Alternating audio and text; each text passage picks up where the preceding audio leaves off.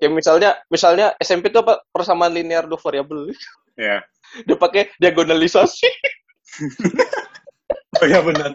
Sistem persamaan linear. Oh ya, ntar kita bikin matriks ini matriksnya terdiagonalkan nih. Udah dapat langsung.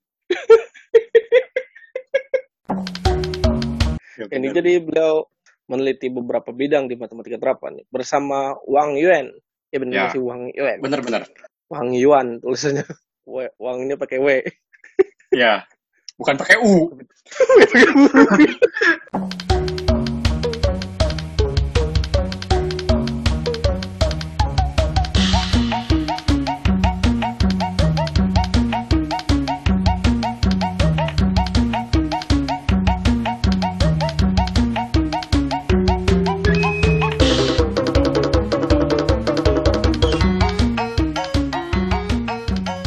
datang di podcast Bebas Linear. Di podcast ini kami membahas matematika dengan bebas namun masih berada di jalan lurus. Oke. Masih bersama saya Rizky dan partner saya Lawrence. Eh, gimana nih kabarnya nih hari ini? Hmm, masih apatis, tapi update terhadap beberapa hal. Apatis apa nih? Nggak apatis. Kayak orang-orang pakai Clubhouse, gue gak tahu Clubhouse itu apa. Dan sampai sekarang gak nyari. Clubhouse tuh ini apa kayak apa ya?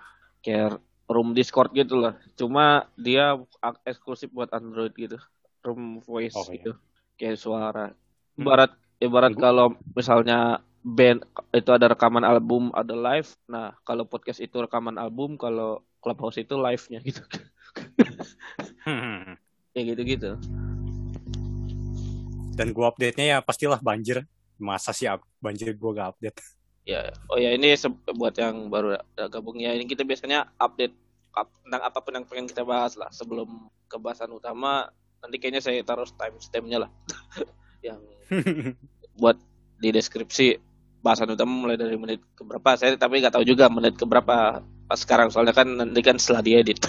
Oke, jadi ya banjir atau kayak sebelum sebelumnya kan udah udah ada banjir juga tuh di mana gitu di Kudus kalau nggak salah Ah, di iya, iya. Semarang ya. Jawa Tengah ya Daerah lu kebanjiran gak? Ya saya alhamdulillahnya sih enggak Oh. cuman cuman sekitar sini kayak kayak kalau mau ke Jakarta kayaknya kayak kayak ke isolasi tuh kalau kalau daerah banjir tuh Hmm. kayak gitu gitu kayak mesti muter dulu Hmm. Ya, ya. gue gue- ya gimana ya kayak banjir tuh masalah tahunan sih gitu tuh kayak kayak kayaknya cuma gak buang sampah sembarangan aja tuh gak cukup gitu buat banjir buat ngatasin Oh, banjir emang? gitu iya kayak tata kotanya emang harus diperbaiki gitu apa ya kayak Ya. Terus penampungan debit airnya juga mesti ditambah. iya iya yang kayak gitu gitu tata kotanya mesti dibenerin Ya. Tapi bukan berarti anda boleh buang sampah sembarangan ya, karena itu Ya. salah satu faktor juga. ya ya itu juga fak- faktor juga gitu Ya, salah satu faktor tapi bukan satu-satunya faktor. Ya, jadi st- stay safe lah buat yang emang sering kena banjir di situ lah ya. Hmm. Terus kalau soal banjir gini gimana? Kata lu, kata lu gimana lo? Gue beruntung sih di tinggal di daerah yang tidak pernah banjir sama gue tinggal. Jadi kalau buat banjir di daerah lain ya nggak tahu ya. Kayak permasalahannya ribet. Terus gue lihat di de- di debat biasanya ya tuduh-tuduh salah-salahan. Ini pemerintah daerahnya gini, ini pemerintah pusatnya gini. Ya udah nggak beres-beres aja. Iya ya. Oke. Lalu ada update apa ya? Kemarin lu sampai nge-share juga tuh yang lagu yang gue bikin apa? Mash up. Ah, kenapa? Lu udah dengerin semua. Oh enggak, share doang. Jadi buat yang belum tahu saya bikin mashup kompilasi lagu tahun 2020 tapi di tahun 2021 gitu terbitnya gitu. Cari aja di YouTube ini MRF Mashups itu channel YouTube-nya terus judul mashup-nya ini apa Racing into the Crazy 2020. Hmm. Itu itu dari lagu Yoasobi sebenarnya. Eh, Racing to the Night. Tahu lagu itu apa Yoasobi? Enggak. Nggak tahu. Ini soalnya kalau kalau lu tahu ceritanya agak agak sad gitu ada agak sedih apa ya Hmm. kayak pertama-tama eh, suicidal warning gitu jadi kayak ceritanya ada cewek gitu Hmm. itu tuh based on su- suatu cerita mini gitu jadi cerita cerita tuh ada cewek yang suicidal gitulah Hmm. kayak kayak tiap beberapa waktu pengen bunuh diri gitu nah ceweknya ini punya cowok gitu Ya. nah terus tapi setiap kali ceweknya mau bunuh diri tuh dia selalu ngubungin cowoknya itu terus Ya. dan selalu nunggu gitu selalu belum selalu nunggu cowoknya sebelum dia bunuh diri gitu cowoknya tuh selalu nge-encourage dia buat jangan dong jangan bunuh diri gitu. Nah pada suatu hari si cowoknya itu udah gak udah gak bisa nih biarin ceweknya gak bunuh diri gitu. Hmm. udah berantem gimana. Terus kata cowoknya kalau kamu mati aku mati juga deh gitu. Gitu. Terus? Terus ceweknya malah senyum. Terus? Jadi kayak artinya sebenarnya ceweknya tuh tiap kali ngubungin cowoknya sebelum bunuh diri tuh bukan pengen cowoknya ngantiin dia dari bunuh diri. Hmm. tapi pengen cowoknya ikut juga. Hmm, kayak gitu. Endingnya bagaimana? ya endingnya ya kita semua tahu lah. Makanya makanya cover gambarnya juga yang cowok sama cewek jatuh kan. Kayak gitu. Oh. cover cover apa videonya di YouTube. Kayak gitu gitu apa ya? Gue kalau terus ngomong-ngomong soal bunuh diri. Soalnya kemarin di gue baca berita juga nih. Di Jepang juga lagi. Itu kan tadi Ya. Jepang baca berita gue dari Jepang ini. Jepang tuh apa? Lagi tinggi tingkat bunuh dirinya. ya nunjukin apa bahkan nggak sampai ngangkat ini ya apa menteri kesepian. Iya bener. iya bener. Kayak di suatu waktu gitu di, di Oktober kalau salah. Itu tingkat bunuh diri itu lebih banyak daripada yang mati covid Buset. iya kayak kayak apa ya kayak sebenarnya selain masalah kesehatan sama ekonomi itu masalah masalah psikis juga sebenarnya masalah mental juga ini Hmm. kayak gimana ya kayak gue gue mikir kayak orang-orang yang menggemborkan menggembor-gemborkan di rumah saja itu gue gue gue bertanya-tanya gitu gue bisa dapat pacar dari dari rumah tuh gimana caranya Ya tahan cuma setahun. Tahanlah sementara waktu. kalau setahun kalau sampai 2024 Ya kenapa emangnya? itu maksudnya itu apa ya kayak kayak kan dua, dua episode lalu kayak kita bahas soal percintaan ya. kita, kita ada lupa sih kita bahas sebenarnya gimana caranya dapat pacar pas pandemi itu Orang nikah setelah kenalan di Facebook aja banyak sekarang. ya juga sih tapi kayak apa ya iya kenapa justru gue bingung kenapa kayak kalau pas pandemi banyak yang nikah justru kayak teman-teman gue banyak yang nikah gitu Nah itu karena gabut. nggak tahu apa karena murah kali ya karena kan alasannya gak harus ngundang orang banyak Tapi gue mikir juga, emang kalau gak pandemi harus ngundang orang banyak ya? Kayaknya nggak juga. Kayaknya, nah itu dia maksudnya kan karena ada pandemi jadi ada alasan buat gak ngundang orang banyak gitu jadi gue sebenarnya pengennya tuh kayak gak harus ngundang cuman kan nggak tahu itu kan kayak pernikahan kan kayak tradisi yang katakanlah kayak sekali seumur hidup gitu dalam tanda kutip Terus, ya, padahal gue kalau gue sih pengennya ya duitnya di save aja lah buat Dapat duit juga kok. Ya, tapi ya walaupun ya dapat duit nggak nggak dapat duit kalau dapat duit kalau dapat amplop Schrödinger eh apa amplop rekursif Oh, mungkin itu dari gua. ya gitu Nggak tahu sih. Oh, gue sih masih tetap menggaungkan tetap di rumah aja ya. Disabar-sabarin aja. Ya emang nggak tahu Cuman berapa ya, lama. ya Ya emang nggak tahu berapa lama, tapi di Alkitab juga ini ada loh kayak pas awal pandemi itu di Alkitab ada tulisan ke apa, orang orang berhikmat tidak tidak mengarah ke eh, maut. Pokoknya apa? Tahan, bersabarlah sebentar lagi. Kayak gue lupa detailnya gimana. Pokoknya eh, di- bersabarlah diam di rumah selama beberapa saat. Kok gue sih lebih percaya itu ya. Ya tapi itu based on wabah juga ya kayak Bukan, mungkin zaman waktu itu ada ada wabah gitu enggak sih. Zaman perang. oh ya ya. cuman ya itu concern gue lebih ke, ke apa ya selain masalah kesehatan ekonomi masalah psikis juga gitu Iya, masalah Itu tuh. emang masalah kesehatan mental. iya Tapi bukankah ini adalah saat terbaik saat Anda dekat dengan pencipta? Ya. Kayak kalau misalnya normal, ya banyak kesibukan dan lain-lainnya. Mungkin justru di saat ini mendekatkan diri kepada yang Maha Kuasa. Oke, apa lagi ya? Oh ini ya, ngomong-ngomong, tadi kan musik ya, mau bikin musik. Ada berita dari musik juga nih. Lo tahu ini nggak? Tahu Def Punk nggak? Yang berdua bukan? Ya, yang berdua benar. Ah. Itu kelihatannya berdua, cuman kan nggak mungkin nggak ada tim kabel gitu. Itu mah semua sih. Yang berdua yang mukanya pakai robot apa sih topeng robot gitu lah Ah. nah itu band ini apa Def Punk ini kemarin katanya Selasa pas Senin bubar Hmm. lo ya lo tahu lagu Def Punk yang mana Enggak. Iya. Kalau disebut, kalau dengerin mungkin tahu, tapi kalau disebutin judul gak tahu.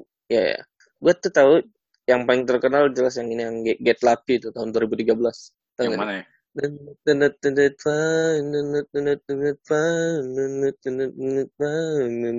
Gitu lagi yang kayak gitu Oh ya, pernah dengar tuh kan. Pernah dengar tapi nggak tahu. Ya, itu lagu paling hitsnya Ah. ini kayaknya lebih terkenal di kalangan anak-anak dugem gitu cuman cuman ada lagi ada yang gue personally ya yang favorit gue yang selain Get Lucky itu apa ya ini Instant Instant Crush Hmm. yang sama vokalisnya The Strokes. Hmm.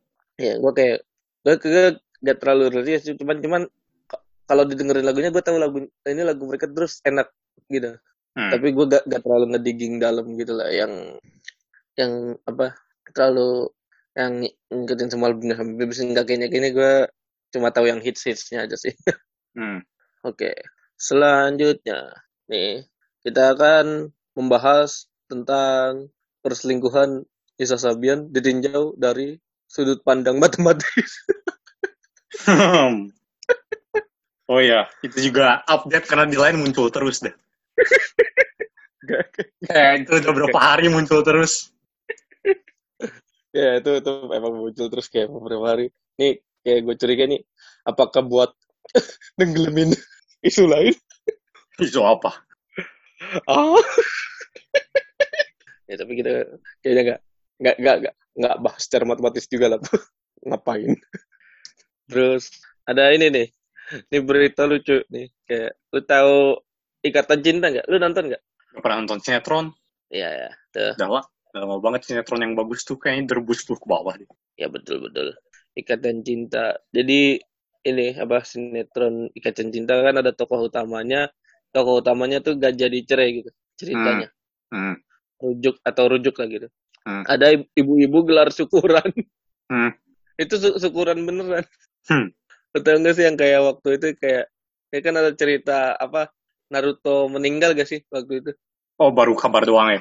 Ya nggak waktu kabar itu terus ada itu gue gak tahu itu beneran apa enggak tapi ada yang ngadain tahlilannya gitu. Sampai bikin buku yasinnya itu beneran gak ya? Nggak tahu tuh. Nah cuman kalau yang ikatan cinta ini beneran Ngapain? Mending duitnya kasih ke gua dah. gak tahu saya juga bingung. Oke, update apa lagi ya? Bola? Bola apa? Bola yang menarik tuh apa ya? Tidak ada yang menarik. Kayak biasa Bener sih. aja. Soalnya yang menangnya ya ya udah pas yang bakal menang lah. Iya. Tapi Serie A ternyata Inter lah yang di atas sekarang. Ya, Kemarin-kemarin sekarang. Milan soalnya. Iya. Kemarin-kemarin Milan soalnya. Terus Hmm. apa ya? Ya yang penting bukan Atletico. Juve aja. Ya, itu bukan Juve. Tapi apa ya? Atletico kalah. Ya lagi masa sulit. Atletico. Tapi Barca seri juga.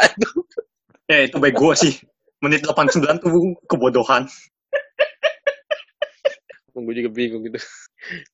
Ayolah, Van Dijk belilah. Ngapain beli Halan? Mending beli Van Dijk. Beli Van Dijk. Kayak, kayak ah, apa ya? Haaland tuh Apa? apa ya? Kayak Barca udah kebanyakan di, di depan kayaknya eh tapi Juga depan butuh. masih cuma cuma sisa Martin Braithwaite tuh gitu lupa. Gak butuh nggak sih depan tuh udah Griezmann. Kalau posisinya bener tuh sebenarnya bisa bagus tuh. False wing aja udah Ya. Terus Ansu, sayap. sebenarnya Ansu ada kan Ansu Fati. Ya, Kayak depan tuh gak ada masalah. Tengah tuh sekarang playmaker siapa coba? Messi udah gak jadi playmaker lagi posisinya gitu. Frankie lah. Ah, Frankie masih belum terlalu sih. Terus back hancur back, gak ada yang bagus, gak ada. Kayak ya benar benar benar. Back backnya saya bego. Eh, quotes terbaik Alex Ferguson. Dengan offense bagus Anda menangkan pertandingan, tapi dengan defense bagus Anda menangkan titel. Wah emang benar. Nah itu. Nah, itu yang terjadi di Man City juga tuh. Man City defense-nya bagus. Lagi bagus-bagusnya tuh. Hmm. Depan, tapi ya bukan belakangnya doang yang bagus depannya juga Sterling lah. Sterling sama Gundogan sih. Iya. Nggak depannya tuh sebenarnya tuh kan lagi pada cedera ya Gabriel Jesus sama Guerrero gitu ya. Tapi Ya, nemu aja gitu permutasi solusinya gitu. iya. Terus Kayak yang bikin diapain? gua kesel adalah Guardiola tuh betah di City tapi di Barca tuh gak betah. Oh, emang duit berbicara. Tahu apakah karena di Barca sudah menang semuanya atau kayak ya ini seperti- tuh. kayaknya saya- saya tidak bisa diimprove lagi. Oh, bisa jadi sih. Soalnya City belum pernah menang champion kan. Iya, City kan belum. Cuman kayaknya musim ini bisa bisa jadi dah Bisa jadi sih. Cuma nggak tahu sih. Bisa empat gelar itu. Tuh kayak tinggal kayak coba didoain kena skandal aja gitu ya bisa buktikan Kan apa? kayaknya Liga pasti dapat kayaknya. dapat Piala Liga, Piala Liga paling Tottenham.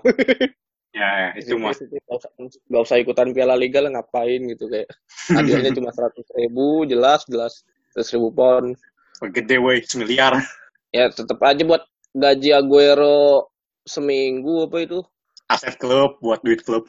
aset klub seratus ribu mau seratus ribu pound mau beli siapa beli ini beli bagus kafe eh ingat F- FC Utrecht adalah pilihan bagus Bener. Liverpool adalah pilihan salah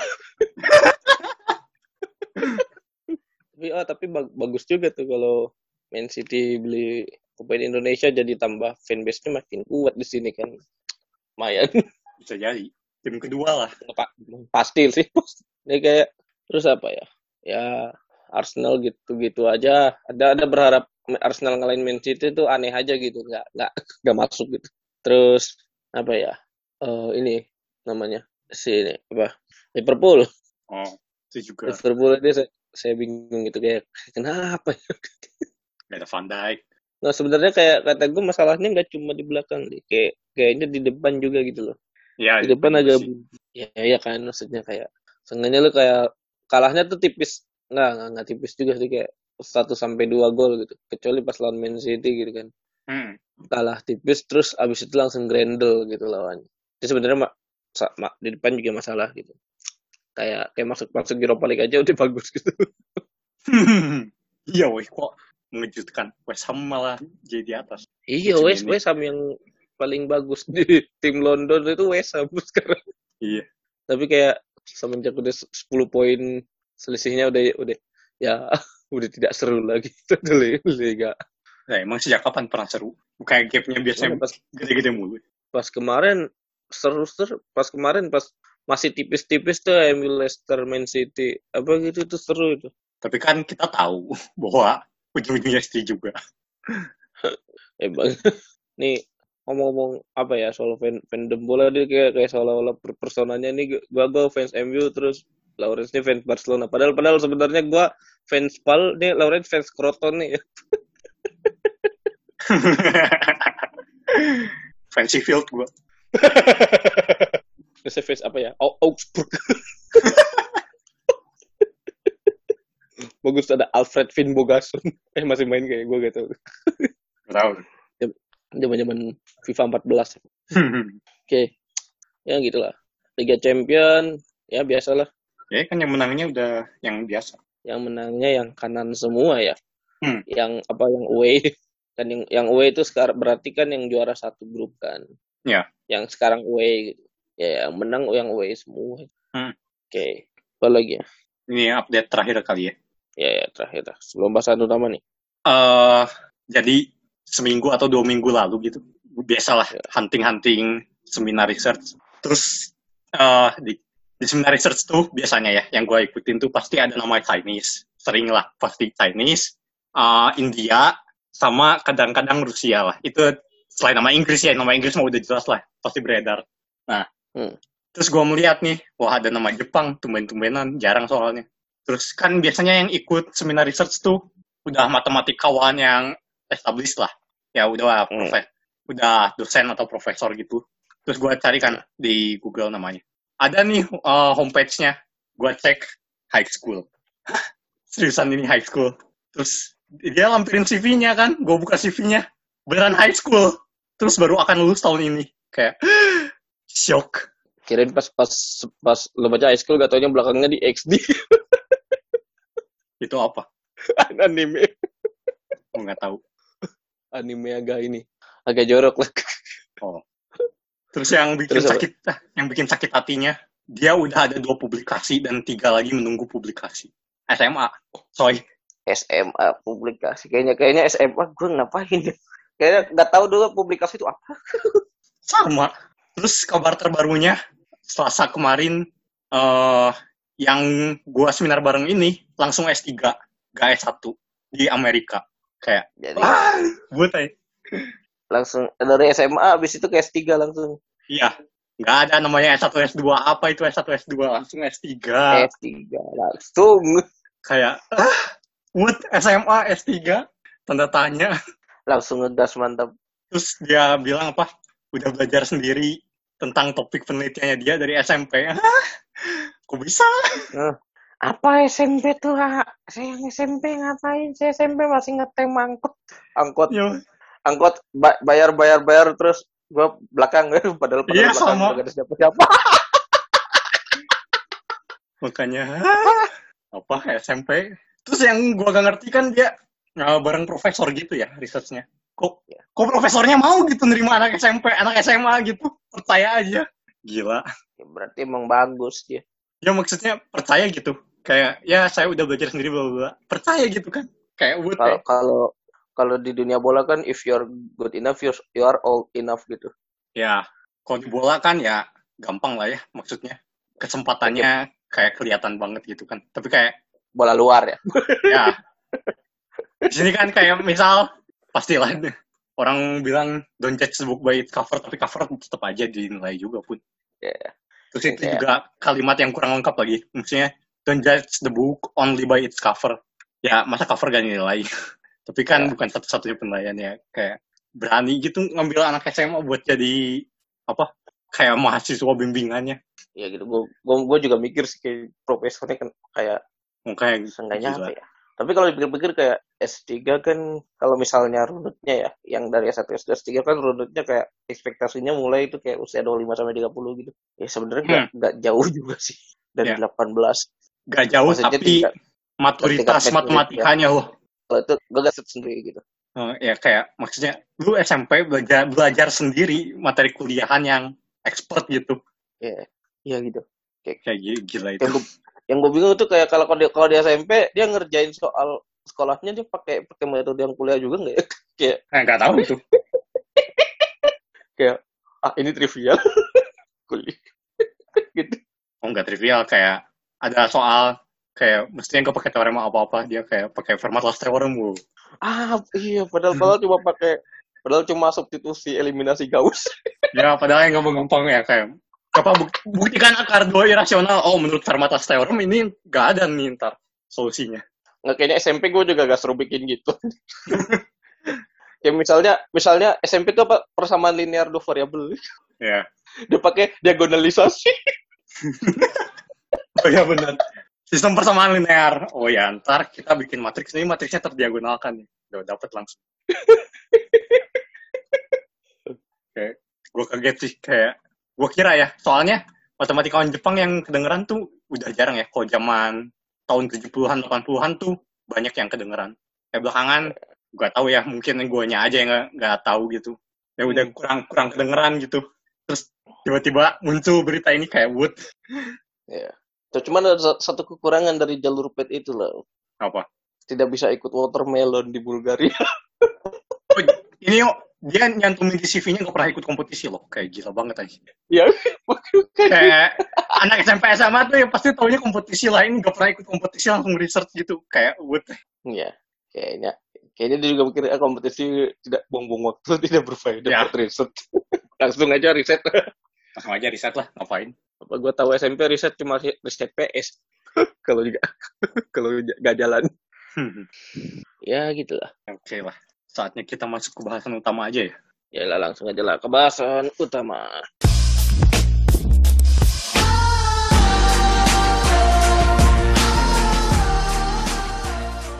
kita mau bahas apa nih ini Daniel Lawrence nih mau bahas apa nih Ya, akhirnya kembali ke dunia saya. Oke. Ini agak nyambung sama update terakhir. Kalau update terakhir SMA ke S3, kalau ini matematikawan atau orang yang terkenal di dunia matematika, tapi kuliah, gak pernah kuliah matematika.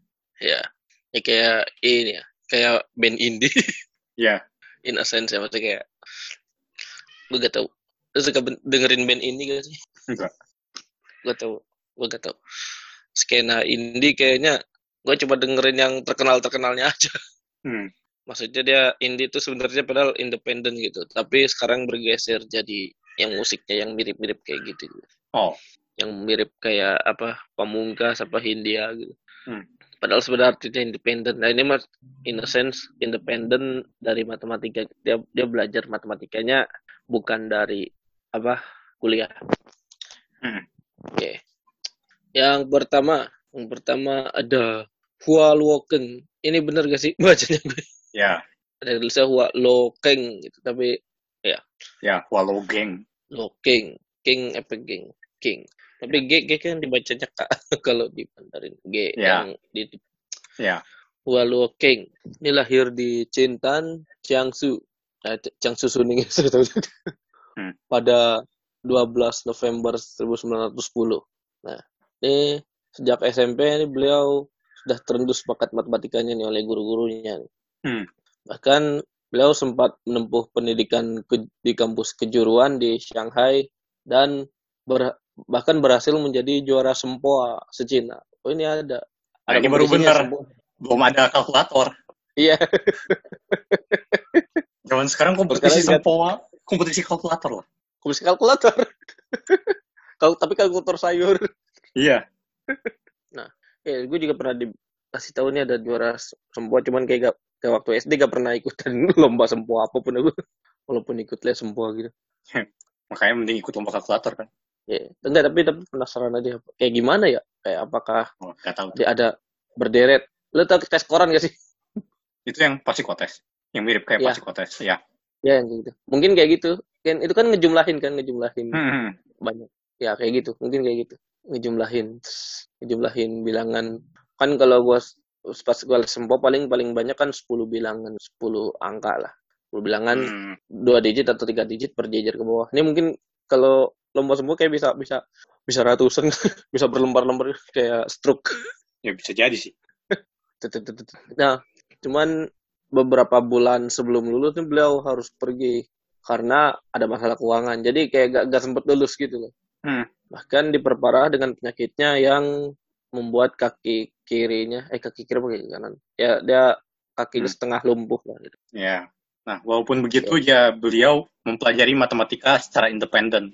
Ini gue penasaran juga dapat bukunya dari mana. Dan melakukan risetnya sendiri. Nah, salah satu publikasi pertamanya berjudul Some Researches of the Theorem of Storm. Nah, ini teorem of storm ini tentang ini ya, apa? Polinom. Iya, ada polinomial storm. Terus jadi kayak polinom saya lupa ini ini intinya tentang apanya ya? Apa dari polinom ya? Ya, bahas propertinya. Ya. Ya. Kayak gue mikir nih, di zaman sekarang mungkin gak ya? Orang ngelakuin riset sendiri gitu. Kayaknya, Sebenarnya justru zaman sekarang paling mungkin banget gak sih? hmm, menurut gue susah gak sih? Soalnya Maksudnya udah, sudah berkem- udah berkembang terlalu gila matematikanya. Iya sih. Satu, dua, kalau Iya. mau submit ke jurnal duitnya dari mana? Ya, Terus kan gak ada, oh gak ada institusi gitu, kayak lebih tidak dipercaya gitu. Kayak Elsevier kan, gue baca submit aja tuh udah berapa juta rupiah. maksudnya kayak sam kayak gue mikirnya kayak justru makin jamak yang banyak riset sendiri karena sekarang udah zaman internet gitu ya. Cuman ternyata alternate by perkembangan. Hmm, satu Eh, perkembangan itu- ya, itu. sama publikasinya ini gimana gitu. Ya mungkin masalah masalahnya itu ke penerbitnya kan, eh apa sih publishernya. Ya susah sih kalau misalnya orang nggak punya institusi, kayak gak dipercaya gitu. Ya emang kalau kalau dulu emang emang jamak ya kayak orang nggak nggak nggak kuliah di mana gitu. Jelas Ramanujan Ngirim- kan. Ya kayak ya dulu dulu kan jamak gitu. Heeh. Kayak Numan Hujan gitu. Itu kan ngirim oh saya punya penelitian tentang ini. Kayak nanti dibalas feedback coba rapihin lagi gitu-gitu kan. Iya. Kalau sekarang kayaknya udah sistemnya begitulah, jadi lebih susah ya. Ya, apa karena makin banyak juga yang yang kayak kuliah S1, S2 gitu. Mungkin kurang tahu juga. Kalau dulu kan lebih sedikit gitu yang Ya. yang kuliah gitu. Ya. Apalagi kepikiran publikasi. Hmm. itu yang baru SMP tadi aja udah keren udah tahu publikasi gitu kayaknya gue baru tahu publikasi itu pas mau S2 Iya kayak buat eh Budep di sini budayanya lebih ke berorganisasi daripada ke budaya paper gitu. Itu juga kayaknya cuma satu-satunya anak SMP gak sih kayak lingkungannya harus spesifik banget dia tahu gitu. Emang anak SMP lain tahu kayaknya enggak ya. Iya juga sih. Ya, Oke, mari kita lanjut. Pada tahun 1931, Walokeng ini diundang ke Departemen Matematika Universitas Tsinghua Tsinghua di Beijing. Dan pada usia ke-24, beliau sudah menjadi dosen di sana, serta menerbitkan puluhan paper kan. Zaman sekarang kayak gak mungkin gak sih lu gak lulus unik tapi jadi dosen gitu. Ah iya. Karena publikasi tadi kan. Makanya saya juga bingung nih Kak. Kayak Ya, kayak sekarang birokrasinya susah banget. iya. Tapi mungkin kan karena beliau sempat ikut yang kejuruan itu cuman cuman ya emang gak sampai lulus kayak. Hmm. Ya makanya itu gue juga bingung kenapa kenapa belum padahal gak, gak ada lulusan universitas cuman bisa jadi lecturer lah di sana lah. Oh, ya itulah. Kurang ngerti juga zaman dulu sistemnya bagaimana. Nah, oke. Tapi lu tahu nggak Cina tuh tahun segitu masih masih chaos-chaosnya. Iya. Makanya sekarang kenapa Cina pada berte ya orang Chinese kenapa pada bertebaran di seluruh dunia karena pada kabur dari Cina gitu. Karena zaman itu chaos Iya. banget. Chaosnya tuh kayak pemerintahannya gitu ya apa gimana? Ya, karena pemerintahan kan dulu masih perang komunis sama non komunis. Habis komunis menang pun ternyata masalah belum beres gitu. Ternyata pemimpin pertamanya kan mau Zedong itu komunisnya tuh kayak korut banget gitu. Kayak rakyat biasa miskin yang kayaknya tuh cuma pejabat-pejabat. gitu. Ini nanti kita bahasnya ada ada bagian yang mau setengah di, di, di bawah nih. Iya. Nah, tapi sekeos-keosnya itu kayak matematikawan dari luar tuh masih datang ke Cina gitu. Kayak tahun 1935 nih, Jacques Hadamard sama Norbert Wiener tuh datang ke Cina ngasih kuliah tamu. Nah, Bagus. makanya kayak bagus mantap. entah kenapa itu bisa terjadi. Dan Wolokeng nih salah satu yang datang ke kuliah itu. Dan beliau mendapatkan impresi bagus ya, kayak di kelasnya nggak tahu, mungkin nanya-nanya, diskusi gimana gitu. Sehingga eh, Norbert Wiener nih ngomong ke Hardini ini di Cina nih ada yang namanya Wolokeng gitu. Terus kayaknya penelitiannya sama-sama teori bilangan gitu. Terus akhirnya ya Hardy ngundang Wolokeng gitu ke Cambridge pada tahun 1936. Ya, ini Hardy yang ya apa? Yang sama-sama Hardy. pembimbingnya Ramanujan. Ya, yang ya, waktu itu Ramanujan juga, betul-betul. Ya. Nah, di Cambridge ini beliau meneliti tentang masalah waring. Nah, ini masalah apa lagi? Jadi Waring tuh eh, bilang kalau setiap bilangan tuh jumlah eh, se- dua bilangan pangkat empat kayak atau empat bilangan pangkat dua, terus berapa bilangan pangkat pangkat tiga, eh sembilan bilangan pangkat tiga, tujuh belas bilangan pangkat empat. Setiap bilangan as, setiap bilangan asli itu begitu. Jadi kayak yang itu jadinya Lagrange four square theorem ya, yang empat itu. Jadi kayak Iya. satu tuh adalah satu kuadrat tambah nol kuadrat tambah nol kuadrat tambah nol kuadrat yang kayak gitu. Eh, Dan itu diperluas gitu. Jadi tiap bilangan asli adalah jumlah dari sekian bilangan pangkat berapapun, pangkat bilangan asli berapapun, dia adalah ju- jumlah sekian bilangan pangkat berapapun. ya. Nah, kalau walaupun nggak salah sampai sekarang masih Hmm. jadi ini ya. Masih jadi konjektur gak sih? Apa udah jadi teorem? uh, Hilbert udah buktiin si bilangannya ada, tapi bilangan pastinya berapa. Nah, Wolokeng nih nyari kayak batas bawah, batas atasnya berapa gitu. Oh, Jadi kan di Cambridge meneliti masalah waring, ternyata kayak setahun kemudian uh, masalah pendudukan Jepang di Cina tuh makin parah. Jadi beliau khawatir nih tentang keluarga dan kampung halaman, sehingga balik ke Cina untuk menjadi profesor di universitas tadi, Universitas Tsinghua tadi. Nah, Ya. pad- pada saat itu ya udah pindah ya universitasnya ke Yunan. dipindahin. Ya, soalnya parah tuh. ini kayak kayak ada sebagian sejarah Cina nih habis ini. Ya, Oke. Lalu hingga 1945 beliau dan keluarga itu ya hidupnya agak susah gitu, keras. ya lah. Tetapi meskipun begitu, meskipun hidupnya keras gitu karena kan ya lagi ada perang dan semacamnya gitulah. Ya. Tapi justru tingkat publikasinya lebih tinggi daripada sebelum-sebelumnya. Ya. Jadi pada 1945 itu beliau sudah punya lebih dari 70 publikasi. Hmm. Itu berarti berarti usia 35 ya. Iya.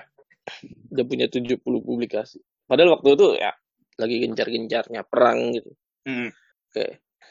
Nah, lalu beberapa tahun setelah 1945 ini beliau berkelana ke berbagai tempat. Kan Jepangnya juga nyerah kan Ya. karena dibom. Lalu beliau setelah itu berkelana ke berbagai tempat di antaranya ke Rusia melalui undangan Ivan Vinogradov. lalu Hmm. ke Princeton, Princeton University juga pernah, lalu ke University of Illinois, Urbana-Champaign. Hmm. Nah, di Illinois ini bahkan beliau jadi profesor, Bukan. tetapi tetapi beliau jadi profesornya cuma sebentar Hmm. karena beliau memutuskan untuk kembali ke Cina pada Oktober 1949 setelah Republik Rakyat Cina berdiri. Jadi sekarang kan ya, seringnya RR Republik Rakyat Cina atau Republik Rakyat Tiongkok. Ya. Nah, terus sekarang sekarang jadi RR Cina ketika baru berdiri ini beliau pengen jadi bagian dari revolusi. Hmm. Kayak gitu-gitu. Nah, di Cina ini beliau mau reformasi pendidikan dan organisasi matematika di kuliah-kuliah, di sekolah, sampai di tempat kerja. Hmm. Beliau juga menjadi direktur pertama Departemen Matematika di Akademika Sinika. Ini kayak apa? Kelompok Akademika Sinika itu kelompok cendekiawan di sana lah ya. Iya. Di Cina. Hmm. hmm. Pada 1956 beliau menulis buku Introduction to Number Theory yang diterbitkan oleh Springer. Ah, ya. Belum lama ini gue baru beres baca. Gimana bukunya? Review. yang yang udah edisi berapa ya? Lupa udah yang baru lah. Ini kan 1956 itu 1980 sekian gitu. Kayak wow. Kayak lu bayangin orang ini gak pernah kuliah tapi nulis buku bagus banget. Apa ya? Jadi, ya introduction to number teorinya kayak benar-benar dari uh, teori bilangan dasar. Lama-lama masuk analitik number theory tanpa mengenalkan analisis kompleks kayak gila banget, jago banget, itu smooth banget. Tapi maksudnya kayak gak kelihatan ini kita ternyata bahas kompleks gitu ya. Iya, kayak yang kompleksnya tuh di ujung-ujung gitu, di ujung-ujung buku. Pas awal-awal tuh masih bisa pakai analisis real gitu, kayak wah keren banget. Terus tiba-tiba geser lagi ke algebraic number theory tuh, udah ada PADIC dan lain-lainnya kayak smooth banget gitu. Iya. Terus beneran ya itu gak pakai teori yang aneh-aneh kayak dia bilangnya pakai first principle, pakai prinsip dasar doang. Kayak kasarnya kuli doang, tapi kulinya tuh kuli pinter gitu. Iya. Keren keren banget lah. Berarti ga- gampang dipahami gitu lah ya. Iya, kayak kayaknya buku teori bilangan yang paling gampang dipahami deh. Ya maksudnya gak butuh banyak prasyarat banget. Jangan buku Springer yang paling gampang dipahami. Bisa jadi. Kan Springer begitu semua bukunya susah-susah. iya. Yang, Terus mana yang- sama yang dipakai sekarang di teori bilangan. oh itu pe- itu pecah-pecah nggak sih kayak kelihatan banget beda bab kayak udah beda lagi patah patah bahasan patah mana? bahasan. Kalau yang, Yang di, di- PTB yang di teori bilangan yang di kampus saya. ya kayak udah beda bab udah ya beda bahasan gitu sama bab sebelumnya. Kayak ini tuh kayak masih nyambung nyambung nyambung gitu. Keren lah keren banget. Hmm. Terus Iya. bener-bener ya kuli lah bisa. Exercise-nya juga gak, gak terlalu susah. Yang, di, yang dijadiin exercise itu bukan uh, materi yang terlalu susah. Yang terlalu susah dibuktiin di bukunya. Hmm, ya, ya. Ya berarti itu bener. Buku Springer paling paling enak. Bisa jadi sih. Tapi ada buku lainnya beliau. Apa? Additive Theory of Prime Numbers. Nah itu parah banget, susah banget bacanya. Kayak Hmm. kok beda banget sih ini.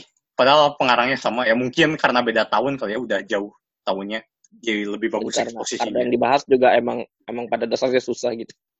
ya yang dibahas susah terus walaupun dibahas ya jauh lebih bagus lah nulisnya Ah ya, ya. Justru mungkin karena ini kali. Karena mungkin karena emang beliau gak pernah kuliah kali. Ngerti gak maksudnya kayak iya ya maksudnya awal-awal tuh emang karena beliau gak pernah kuliah tapi kayak lama-lama udah biasa gitu kan ya maksudnya Udah- kayak karena beliau gak pernah kuliah nih beliau sudut pandangnya pengen ini ke orang yang mungkin gak pernah kuliah juga gitu. Ngerti gak? oh ya bisa jadi bisa jadi di bukunya ini ya benar-benar kayak buat anak siswa bapak sekolah menengah lah gitu. Mungkin bisa jadi bisa jadi bacanya nggak terlalu berat gitu. Mungkin karena beliau juga pertama kali Hmm. Nah, dalam ini emang pas nggak kuliah gitu. Jadi ya kayak kalau misalnya mungkin kayak kalau yang orang bikinan orang yang kuliah kan, oh ini buktikan untuk untuk Ya. sembarang ini kita tuh kayak gitu-gitu kalimatnya yang ribet.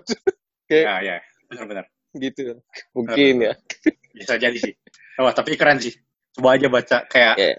wow garingan-ringan banget ya. Tetap mesti mikir mesti ada nguli-ngulinya. Tapi kayak ngulinya nggak susah. Ya, nguli-nguli yang efektif lah. Ah, ah, pinter lah Gua, gua belum pernah baca ini, cuman kayaknya cobalah ba- baca satu dua bab aja kalau nggak terlalu Ya. dalam gitu ya tadi apa judulnya Introduction to Number Theory. ya Oke. ya pengantar kenapa ya bahasa Indonesia tuh pengantar gitu kayak lebih cocoknya tuh pengenalan Pengenalan. ya terhadap teori bilangan Ya itu kan matkul kita banyak kan pengantar pengantar. Pengantar. Itu, Kayak kenapa harus diantar matkulnya? Emang nggak bisa sendiri gitu? emang emang lulusan kita diharapkan jadi gojek.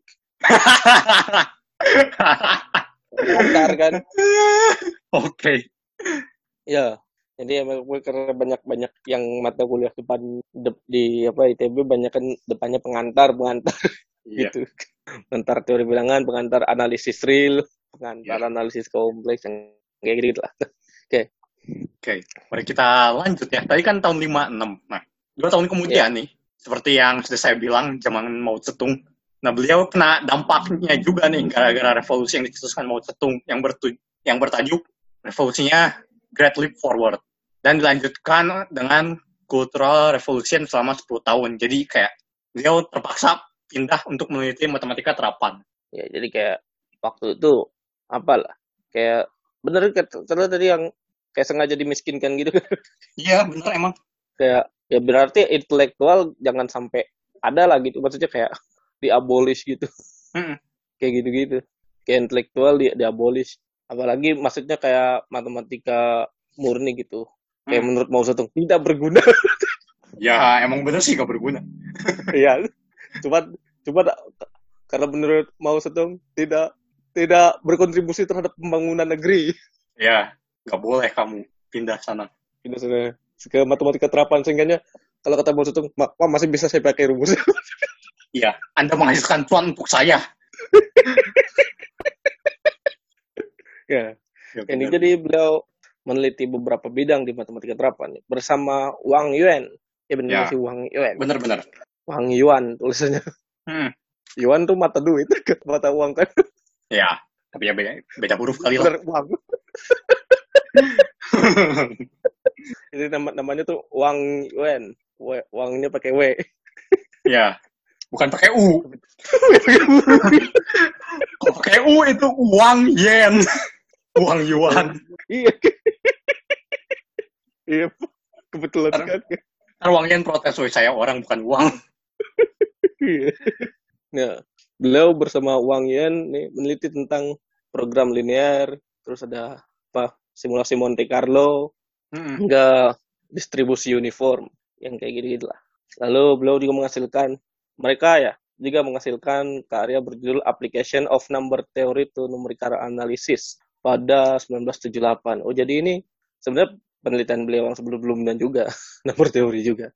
Ya, tapi ada hubungannya sama analisis numerik. Ya, beliau emang dipaksa ini ya belajar op- optimasi, optimisasi. Yang kayak gitu-gitu. Heeh. tapi emang ya analisis numerik tuh emang quote saya adalah ujung-ujungnya semua nomor teori.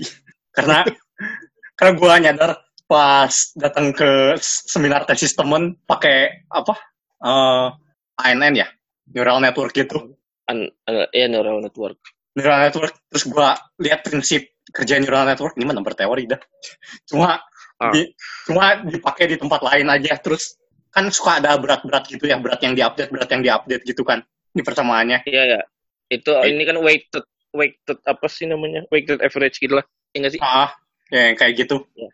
Lah itu mah shift method dan dari dulu gitu dalam hati gua ya nah, ini mah nomor teori juga ujung-ujungnya prinsipnya sama Jadi cuma sebenarnya ada peluang di machine learning belum? maaf tidak tertarik programming eh. Kayaknya gue juga gue juga pengen belajar itu. gue tuh pengen apa ya? Kalau misalnya pengen kerja kayaknya gue harus ngasah beberapa skill dulu gitu. kayak Iya. alah ini mah prinsip nomor teori semua apa sih yang nggak ada di nomor teori prinsipnya Oh ada. Apa? Hand waving. loh ada dong Ramanujan tuh hand waving anda pikir kenapa Ramanujan butuh Hardy Ramanujan hand waving semua oh iya. oh iya bener bener. Ram Ramanujan lebih ke intuisi. iya Tinggal Hardy saja membuktikan. iya ini hasil Bener, saya kira-kira begini ya tolonglah Oke. oke Lalu ya setelah revolusi nih setelah selesai urusan Mao Zedong nah beliau nih menjadi duta budaya ya pada tahun 1980 nah setelah 1980 nih beliau kembali berkontak dengan dunia barat akhirnya ya Cina udah buka diri lagi ya beliau kembali berkelana ke sana sini hingga akhir hayatnya beliau meninggal pada 12 Juni 1985 setelah memberikan kuliah di Tokyo Nah, tuh. Itu tadi sekilas perjalanan hidupnya. Terus tadi kontribusinya udah beberapa kita bahas lah ya. Hmm. Sebenarnya ada kontribusi lain yang sangat penting sih. Apa? Beliau adalah yang mencetuskan Cina Mathematical Olympiad. Yang mencetuskan olimpi- apa? Olimpiade pertama kali di Cina tuh Hua Lokeng. CMO apa? Ya bukan sih? Hmm. Jadi sebenarnya udah mulai ya tahun 1956 tuh. Tapi baru di Beijing, Tianjin, Shanghai, Wuhan. Nah, Ya. kembali lagi karena mau cetung, bubar. Memang. ya emang, ya lu pikir kenapa sih orang-orang pada kabur mau cetung itu alasannya salah satunya. Bener. Bener Nah. kayak gue bilang kayak banyak ada di kayaknya di seluruh dunia tuh ada Chinatown gak sih? Mungkin ya. Kayak di Amerika ada di di Amerika Serikat ada Chinatown di kayak kayak hampir di setiap belahan dunia itu ada ada Chinatown-nya gitu. Iya, iya bener-bener. Kayaknya sih. Iya. Nah, oke tadi setelah beres mau cetung, jadi sekitar tahun 78 ya. Nah, udah mau mulai lagi nih sebenarnya. Tapi belum mulai ya, masih ide-idenya gitu. Dirampungin idenya. Nah, setelah tahun 80, tahun 81 baru mulai saya Cina Mathematical Competition sama Cina Mathematical Olympiadnya. Hmm, ya. Nah ya, pertama kali ikut IMO tuh Cina 85. Nah, udah setelah itu lihat aja berapa kali juara satunya. Ya, ya. Kayak bahkan belakangan tuh udah gak ada yang ikut dua kali. Kayak udah emas ganti, emas ganti gitu. Gila emang. Ya, ya. Tapi emang boleh ikut dua kali ya kalau IMO ya? Eh, oh, iya, boleh, boleh. Gak ada aturan dari IMO-nya sih. Kalau yang gak boleh tuh kayaknya aturan negara. Ya negara dari negara kan. Nah terus ya, inilah. Dan percaya nggak tahun 80 tuh Cina masih lebih miskin dari Indonesia. Ya, ya. Kalau itu gue percaya. Dan lihatlah, dan lihatlah sekarang. Cina tuh sama udah sama Amerika gitu. Ya. Bahkan mungkin dalam beberapa aspek sudah lebih gitu kayak buat. Ya. Oh ya, dan ini juga salah satu alasan kayak gue gak tahu ya, kayak gue merasa pandangan orang-orang di sekitar gue ya, merasa kalau Ya. Chinese tuh berduit lah. Ya, ya. Padahal enggak dude. kayak lihat aja ini, Belum tentu. ya. ya kayak lihat aja ini yang di Cina zaman itu tidak berduit. Ya gue juga enggak sih. Cuman kayak apa ya? Kayak mostly yang kalau konglomerat konglomerat di sini emang mostly Chinese sih makanya itu Ya. impresi dari situ. Impre- benar. Impresinya dari situ ya, tapi yang enggak semua lah. Kayak gue juga enggak. Ya, emang emang nggak semua. Cuman gue pernah lihat satu video apa ya? Kayak orang kalau misalnya orang pribumi nyal apa nyalain orang Chinese karena orang Chinese itu apa seolah-olah kaya gitu kata gue kayak bukan kata gue kata kata yang di video itu Hmm. dan gue setuju gitu kayak orang-orang Chinese tuh gigih-gigih gitu Oh iya Kayak- benar-benar. iya kayak kalau misal jaga usaha orang Chinese kalau kalau dugong lebih gigi dari kamu juga dugong lebih kaya Banget itu. itu itu di video ini apa VNGNC Parah-parah. ya, kayak ini ya, yang gue, seingat gue ya, em- emang jadikan orang tua gue tuh pasti disiplin dan kerja keras gitu.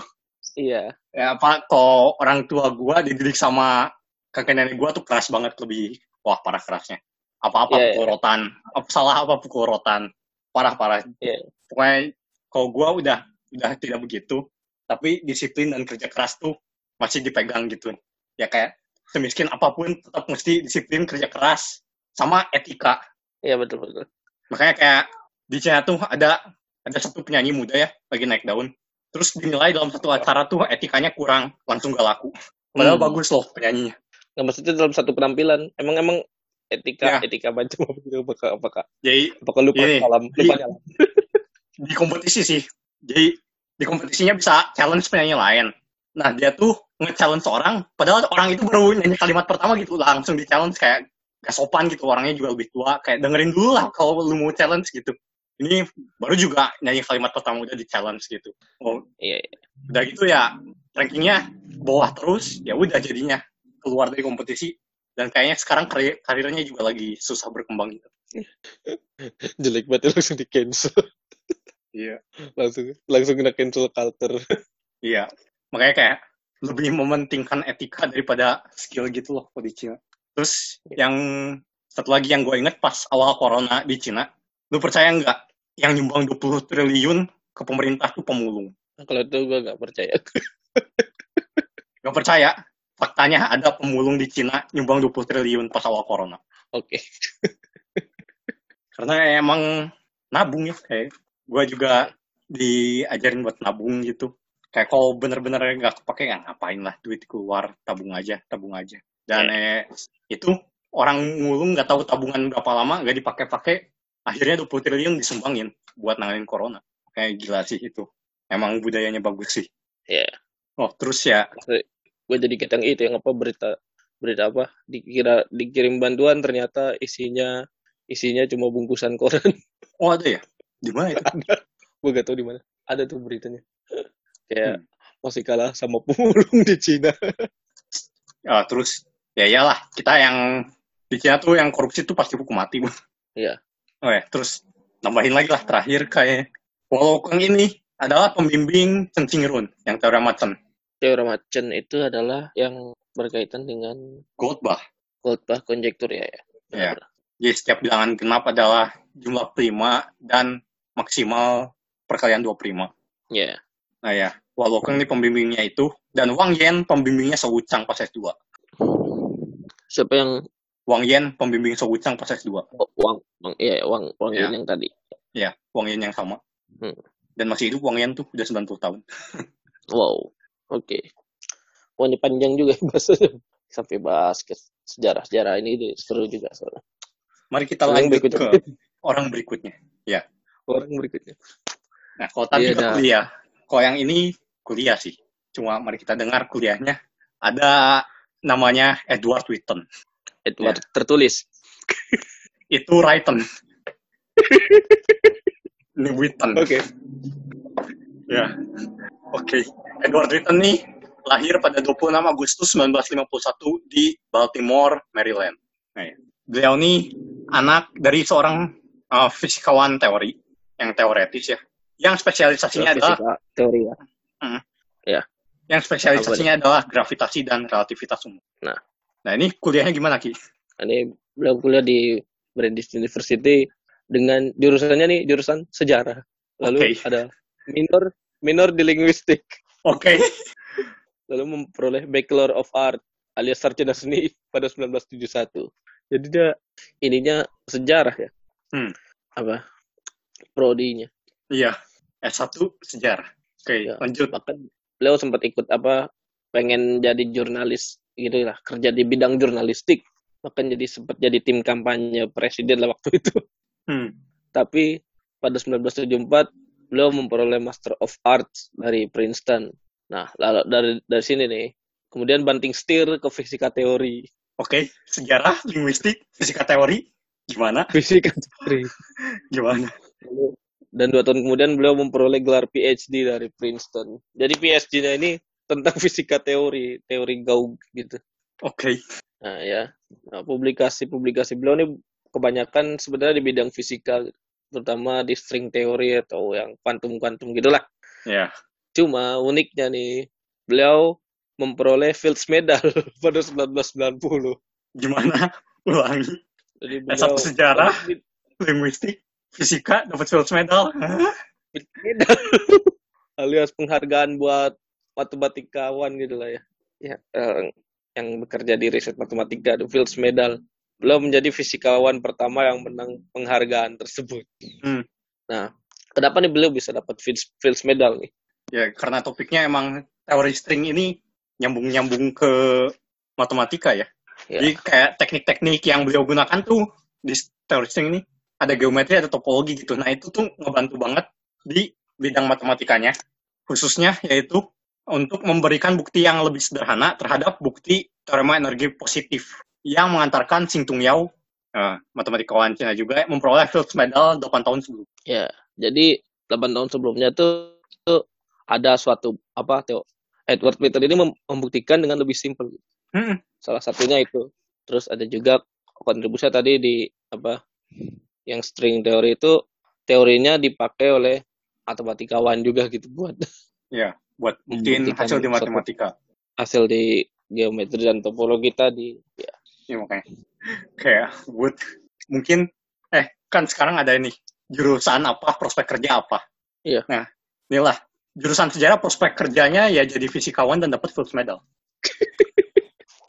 Tapi kalau dalam satu wawancaranya katanya ini apa Edward Witten ini bilang kalau sebenarnya kalau di waktu belajar sejarah kayak requirement-nya apa agak sedikit gitu. Jadi kayak maksudnya mungkin dia bisa ngambil matkul-matkul lain gitu loh. Ya, Yang di luarannya banyak. Mungkin bekalnya dari situ. Gitu. ya sama kan ayahnya juga fisikawan teori kali ya. Mungkin kenal fisikanya Iya. juga udah dari ayahnya. Ya, cuman ini ya aneh aja gitu kayak. Tapi kadang kalau orang yang kayak punya jiwa seni gitu justru mikirnya jadi agak luas gitu gak sih? Maksudnya nggak yang kaku-kaku gitu. Kayaknya. Ya gitu. Jadi kayak mikir ini teorinya pakai apa? Oh, coba saya pakai bikin teori baru yang oh ternyata ini secara matematik di matematika kepake banget gitu. Kan biasanya ke, ke, matematika yang kepake di fisika. Hmm. Ini sekarang giliran fisika. Iya, fisika kepake di matematika. Kepake di matematika. Yang kayak gitu-gitu. Kayak ada apa lagi nih dari Ed- Edward Witten nih. Gue sebenarnya gak, gak terlalu banyak soalnya ceritanya juga dikit. Ya, mungkin ada ada yang kebalikannya malah. Apa? Matematikawan dapat Nobel. Nobel fisika. Fisika. Apa nih? Boleh juga. Harusnya tahu eh, Roger Penrose. Oh, tahu tahu. Penrose. Yang segitiga Penrose itu bukan sih? Ya, kayak terus apa? Space filling curve yang gitu-gitu. Segitiga Penrose itu adalah logo Smadaf. oh iya bener sih. Bener kan? Ya bener bener bener. Smadaf an- antivirus warnet. Bener, antivirus warnet gitu. Bener bener. Terus Iya. Dan Roger Penrose Apa- adalah ma- ma- matematikawan pertama ya kayaknya yang dapat Nobel fisika. kayaknya emang udah blur gitu. cari matematikawan pertama yang dapat Nobel lingkungan hidup ada? Coba-coba deh. Nggak tahu. Kalau nggak ma- ma- matematikawan yang dapat Grammy Awards gitu. Gak ada ya? Nggak tahu sih. Ya, itu, itu tentang apa itu? Apanya? Karena, karena apa gitu? Kenapa dia dapat Nobel? Ya emang kerjaannya sih apa ya? Ya campuran matematika sama fisika lah. Kayak banyak banget apa persamaan Schrödinger yang gitu-gitulah. Kerjaannya banyak banget. Persamaan Newton yang gitu-gituan. Ya. Makanya udah dapat Wolf Prize. Wolf Prize kan matematika. Terus dapat juga Nobel. Nobel. Pernah dapat Fields Medal juga nggak sih? Enggak sih sayangnya. Oh iya. Itu big brand lagi sih. Udah dapat Fields Medal, dapat Nobel. Wow. itu lebih big brand lagi. Level apa almost impossible gitu. Ya. Oke. Ada lagi? Hmm, udah kali ya. Oh, iya. Sebenarnya Ini sebenarnya ada yang sebenarnya empat ya yang mau kita bahas tadinya. ya cuman ini dua sudah panjang. Sudah panjang.